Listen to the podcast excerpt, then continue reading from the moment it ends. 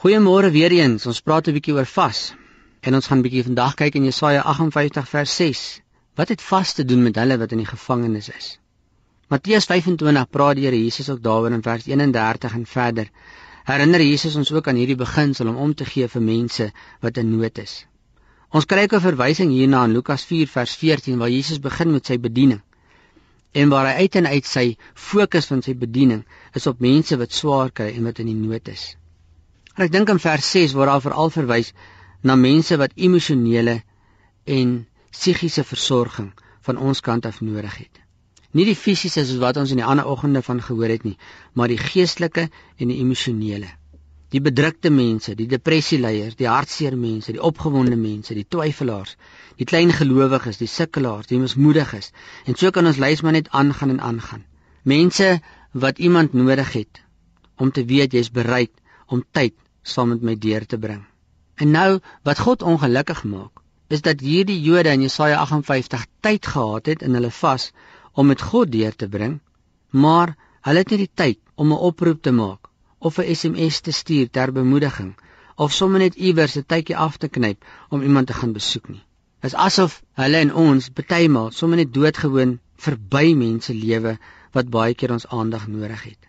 Ons leef in 'n wêreld wat roep na omgee mense. Daar's mense wat in tronke sit, in aanhalingstekens, geestelike tronke. Mense wat honger en dors na die woord van die Here, maar daar's niemand om dit met hulle te deel nie.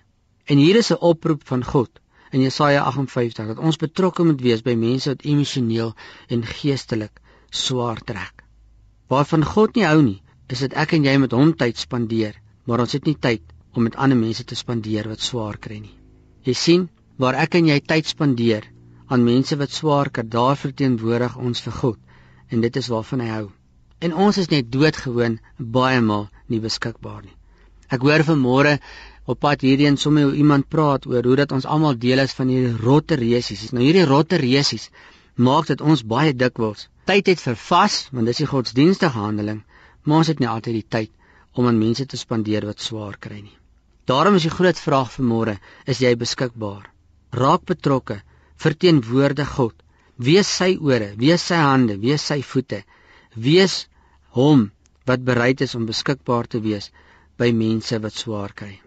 Miskien is jy nie vandag 'n geknakte riet of 'n lampie wat laag brand nie. Dan is jy juis die een wat God wil gebruik. Wees beskikbaar en wees daar. Moenie bang wees nie. Heilige Gees sal vir jou sê wat jy vir mense moet sê wat swaar kry.